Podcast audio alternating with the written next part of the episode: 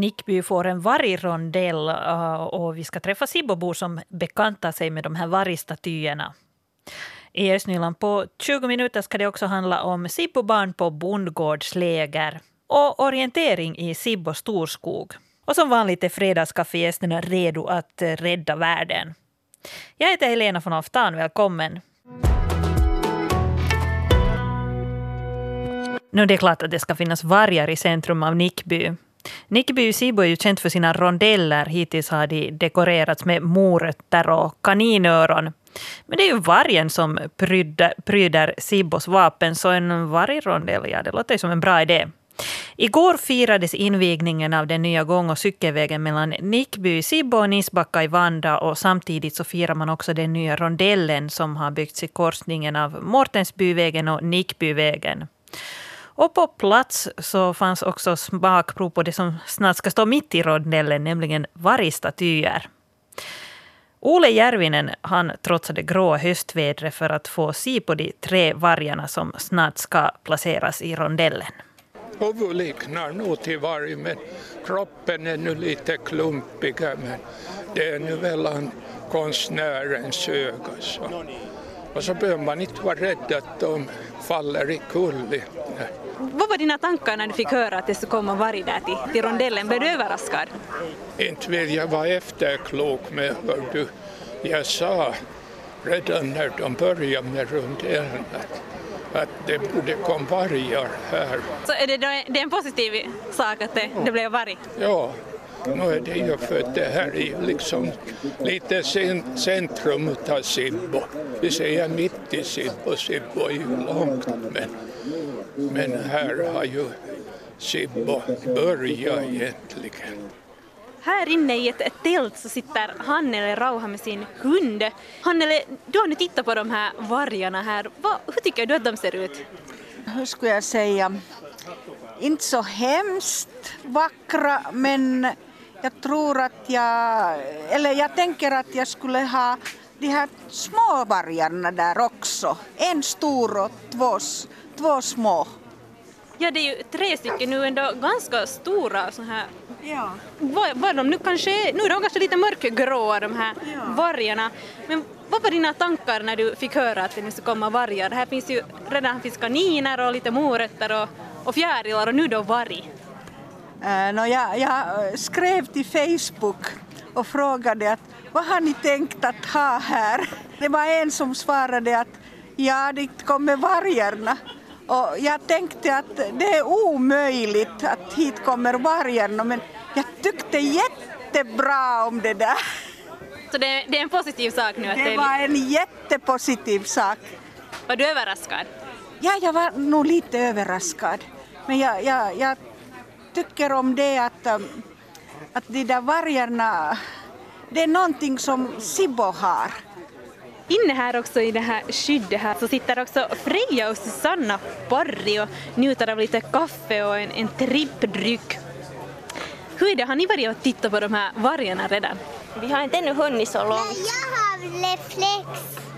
jo, hon fick en reflex här av den där äkta Sibbo-vargen som gick här omkring. Jag har en, en levande varg också, en, en maskot som gick omkring och där du sitter här Freja och ritar, vad är det du ritar? Jag ritar Sibbo-vargen. vad var dina tankar när du hörde att det skulle komma varg hit till Sibbo-rondellen? Jag tycker att det var jätteroligt för de här, vad heter det, de kanske inte är så Sibbo-relaterade de här morötterna och fjärilarna som vi har i de andra rondellerna. Åtminstone inte som jag skulle veta som inflyttad från Borgo. Men den här Sibbo-vargen den är ju sådär helt klar att nu, nu måste vi ju ha vargar i en rondell här. Ni hade alltså inte ännu varit och tittat på de här vargarna men ni ska snart då gå. Hur hoppas ni att de ser ut? Jag har sett på nätet att de såg lite sådär, de såg sådär, lite, de har inte så sådär gladlynta som, som de har kanske andra är i stilen. Alltså jag tycker det var helt roligt uppiggande att de är mer kanske så realistiska vargar sådär i minen och sådär. Ja, de, de är ju också ganska stora. Ja. Vad, vad tycker du om det? De kommer ju nog att synas där i rondellen. Jag tycker bara att det är bra att de är stora. Det är ju roligt så de blir ju ändå täckta av snö sen när vi nu ändå är i Finland om det kommer snö så då ser man dem ännu också där och inte tror jag att de i alla fall skymmer den där, vad heter det, jag kör där liksom nästan dagligen, jag tror att det är helt bra att de ändå är där fast de är stora jämfört med de där morötterna och fjärilarna.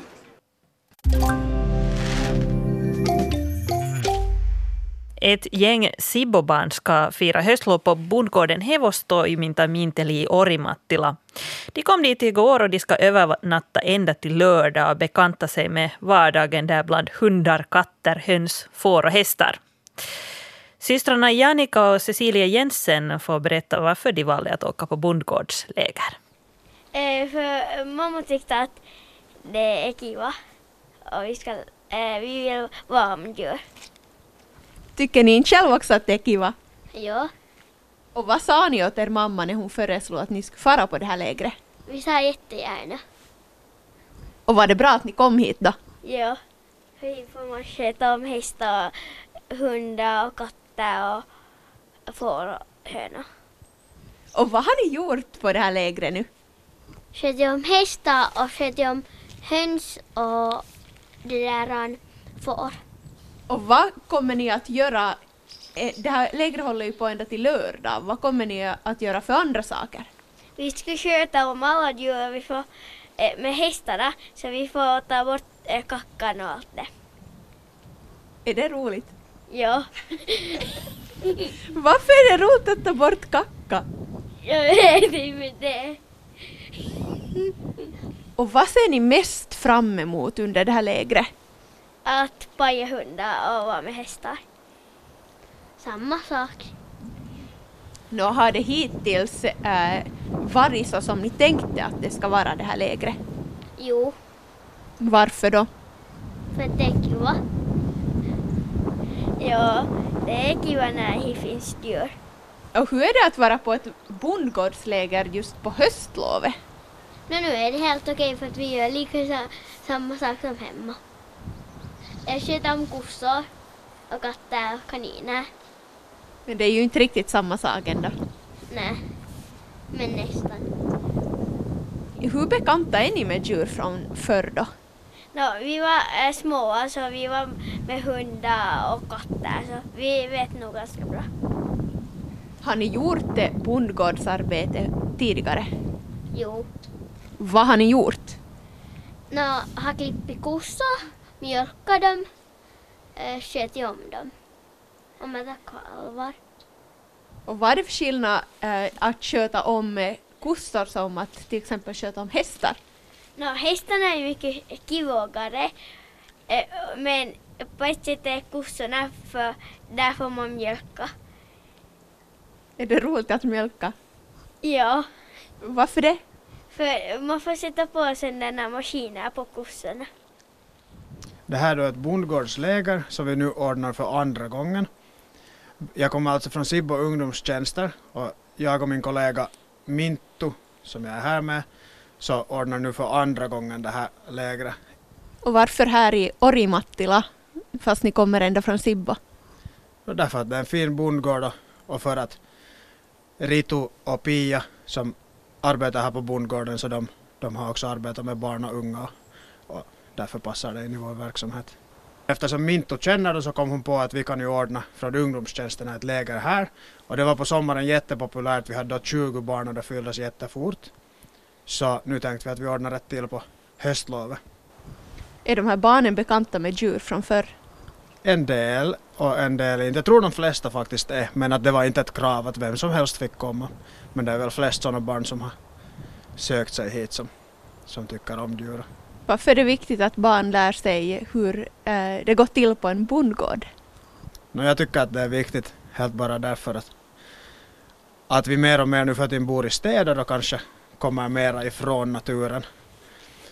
Det här har ju varit vardag för, för många fi, finländare för inte bara så länge sedan men, men nu för tiden så är det inte kanske för så hemskt många mer.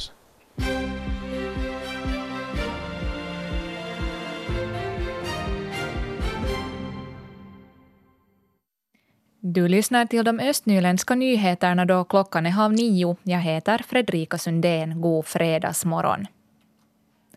I Lovisa har det funnits en allmän oro över drogläget under den senaste tiden.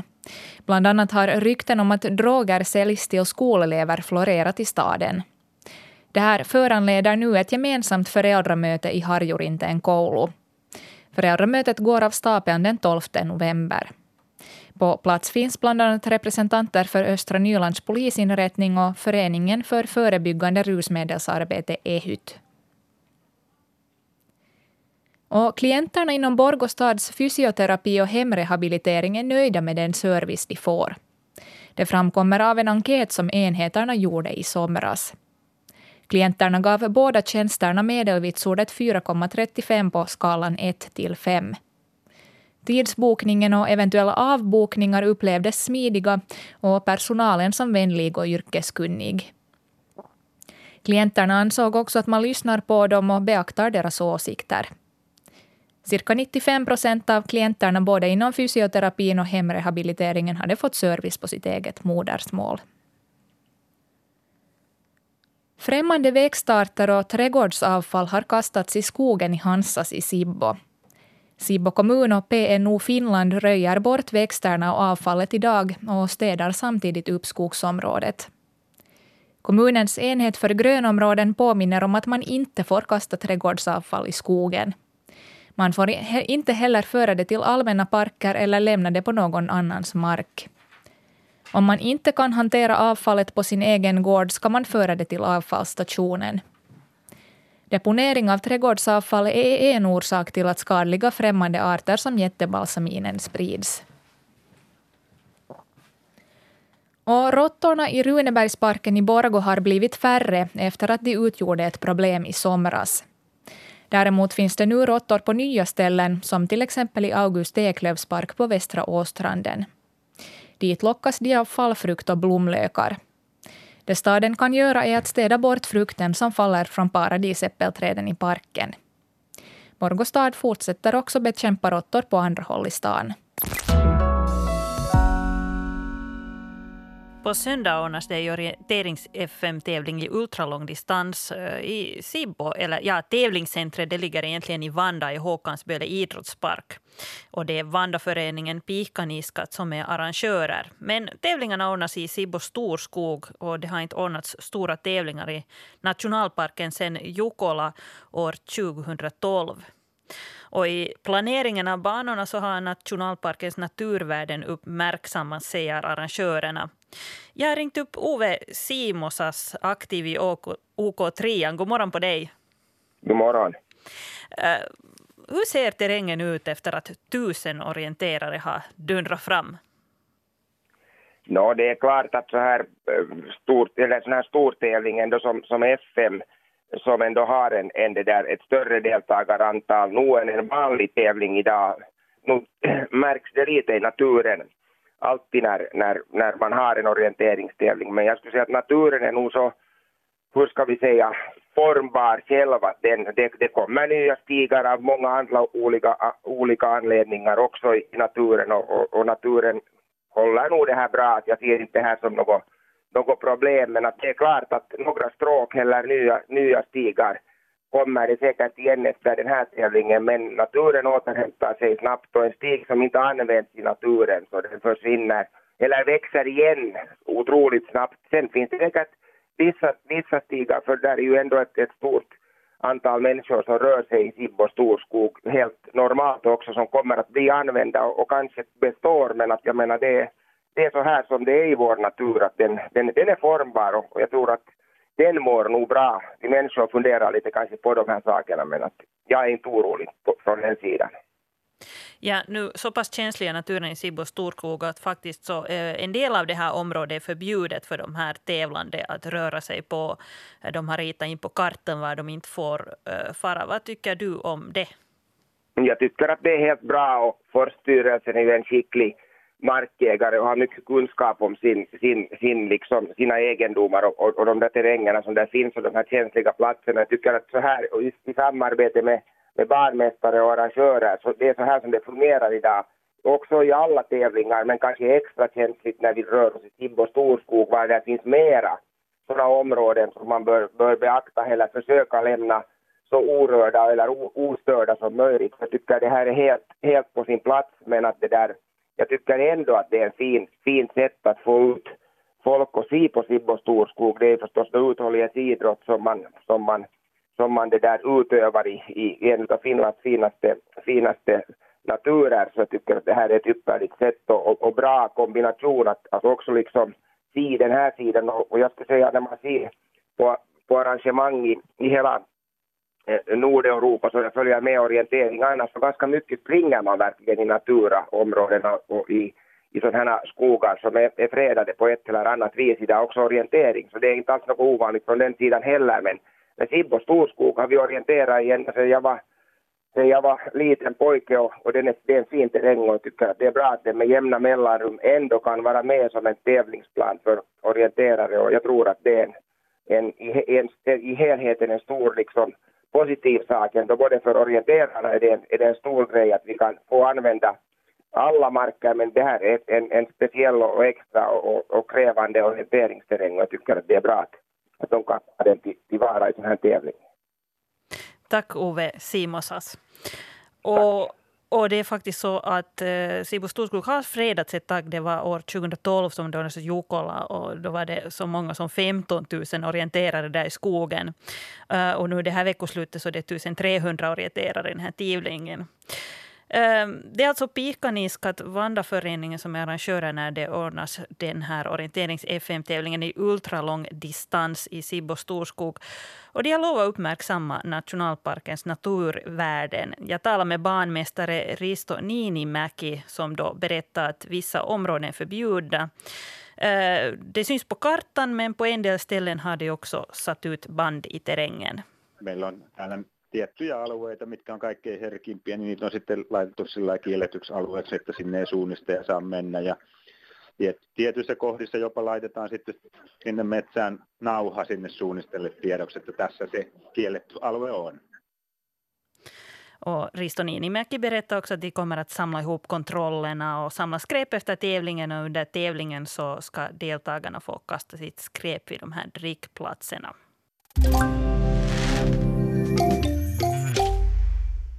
Det är dags för fredagskaffe och jag har med mig i studion Klaus Suhonen från Borgo. God morgon på dig. God morgon, god morgon. Och Kristel Liljeström från Sibbo. God morgon. God morgon, god morgon. Så här på fredag så funderar man eh, kanske redan vad man ska göra på veckoslutet. Åtminstone när jag var yngre så då skulle man ju på veckoslutet absolut fara ut någonstans. Eh, men eh, jag vet inte hur mycket folk far ut på nattklubb nu för tiden. Två nattklubbar stängde förra veckan i Östnyland. Det var La Fiesta i Borgo och Klubb Alexia i Lovisa ägaren sa att det helt enkelt inte lönar sig att driva de här nattklubbarna. Och uh, den här veckan har det kommit fram att det här är en nationell trend. Klaus, hur är det med dig? Är du en sån här nattklubbsmänniska? No, jag kanske inte mer så nattklubbsmänniska. du har någon varit? nu har man ju någon gång varit ganska, ganska aktivt och sådär. Och, och jag vet inte hur många gånger man hade så hemskt roligt där, men det liksom hörde till att man får jo. dit och hänga. Sen var det, och det, jag tror att det är också liksom att en viss ålder så för att du ska våga tala med flickor så behövs det vara så att det är liksom ljusen blinkar och man är inte helt nykter och det är så hård mycket att man måste skrika om man får fram, fram ett par ord liksom och det är liksom grejer, det liksom gör så att till och med riktigt unga dumma pojkar som, som, som inte kan säga något vettigt ska liksom klara sig i den atmosfären. Jag tror att det kanske ändrats. Nu beskriver du disco. Ja, ja. No, ja, nattklubb har ju ofta en discodel tycker jag. Ja, no, det är just den typens ja. Eh, ställen ja, som stänger nu. Ja. Men de här trenderna de kommer ju och går. Jag, menar, jag, jag är övertygad om att de här ungdomarna hittar nog nya ställen att, att festa på. Men om man tittar tillbaka, jag som är lite äldre, så kan ju se att de har nattklubbarna och discovaran, det har liksom ändrat under perioderna också. Ja. Det fanns en period som vi var jätteglada när, när nattklubben fick förlängning, att man inte behövde gå hem klockan tolv eller klockan ett, utan man fick vara lite längre på morgonen på fest. Sen kom det här, man behövde inte mer ha farmarbyxor man fick komma med farmarbyxor och du nämnde om att du inte har blivit med tännare insläppt utan Ja, det var lite andra grejer ja. lite andra koder på det. liksom sen, sen, finns det en period i mitt nästan vuxna liv som jag faktiskt, när jag kom till Borgo för att festa, måste åka utanför Borgo till en, till en herrgård för att komma till en nattklubb, för att mm. allt annat i Borgo stängde så tidigt. Och nu för tiden så går ju ungdomarna ungefär ut den tiden som jag förr kom hem. Mm. Att, att de här ja, det ändrar hela tiden. Men uh, tydligen är det många unga, unga som har så hälsosam livsstil att de går inte ut. Och nu börjar jag fundera att kanske det här att jag inte mer går så mycket på nattklubb, att det kanske inte är bara det att jag håller på att bli medelålders, utan att jag kanske bara är trendig. Det är säkert också det, och jag tror också absolut liksom det där, det är inte... Men, och det här med sociala medier har absolut, tycker jag, det där en stor roll. Och jag skulle säga min analys för, för det är det att, att det är inte egentligen så Instagramvänligt att vara på en nattklubb. Det, ser inte liksom, det blir inte snygga foton. Det ser mycket bättre ut om du sitter på en vinbar med kiva, liksom belysning och du kan fota din portion. Och det är liksom det som folk nu för tiden instagrammar och jag tror att det, det också blir en modegrej att de som tycker om att liksom sätta sådana bilder så de går hellre någonstans var man får trevliga bilder av en liten matportion eller sitt vinglas eller någonting annat att det där, eh, det, det blir inte snygga liksom Instagram-bilder på en nattklubb och jag tror att det har också liksom ändrat lite det där vad som ser trendigt ut. Det är ganska intressant det där just med hur det där påverkar vårt varande, det där med, med trenden och vilken image vi vill ge ut av oss, av oss själva. Att nu är det ju mycket trevligare också, tycker jag personligen, att sitta ner och kunna prata med folk och njuta av vinglaset, fast jag inte instagrammar, men, men eh, också den biten, att man vill också visa ut den biten. Sen om man riktigt ska ut och baila ordentligt så kanske man får till Kanarieholmarna. ja, eller någonstans. Ehm, men det är ju mycket som förändras och en sak som också förändras är bibliotek. Det som förr var sådana tempel för tystnad och böcker böcker och många bibliotekarier som satt och stämplade de där korten så man skulle veta vilken som hade, vem som hade vilken bok. Så nu för tiden är det datorer sköter det mesta och det är mycket happenings. Och du, Kristel, eh, tyckte om den här eh, grejen vi hade om ett escape room på eh, biblioteket i Lovisa som lockar många barn och unga. Jo, för jag tycker det var så tydligt det här hur biblioteken har ändrat sig från det som man har en uppfattning av att den var då när man själv var ung och, och, och, nu för tiden så, så, samlar man in kultur på olika sätt och har öppna hus. Och det är mycket, mycket mer som ett vardagsrum som, som kommuninvånaren kan gå till. Och, och man kan vara där med självbetjäning och man behöver inte alltid det där stela och styva. Och nu också det här att, att man då också tar in den här escape rooms-tanken i och med att det liksom är en ny modefluga eller en ny grej som ungdomarna lockas av. Att också det liksom, och synnerhet just på ett höstlov, att, att erbjuda att också höstlovslediga kan komma och, och göra olika saker på biblioteket. Och riktigt som en liten kommentar, sen ännu därtill, så det gladde ju mig otroligt. Jag försöker få en sån bokklubbsgrej att, att hålla öppet hus på ett bibliotek i, i Sibbo. Och det visar sig att vi har väldigt svårt att hitta den där lämpliga kvällen för de är så upptagna där alla, oh ja. alla kvällar. Ja, Klaus, hur trivs du på biblioteket? No, jag tycker så här att, att det är jätteroligt att hitta på allt möjligt och absolut ska man fundera för att överhuvudtaget det där också bokläsande har säkert ändrats med, också med sociala medier och allt möjligt, Netflixar som finns. Och escape room låter en rolig grej, man skulle ännu kunna utveckla det tycker jag. man skulle kunna göra så att man skulle till exempel ordna så här, någon slags liksom, att lösa gåtor i hela biblioteket. Nu, nu handlar det där väl om ett rum som ska komma ut från.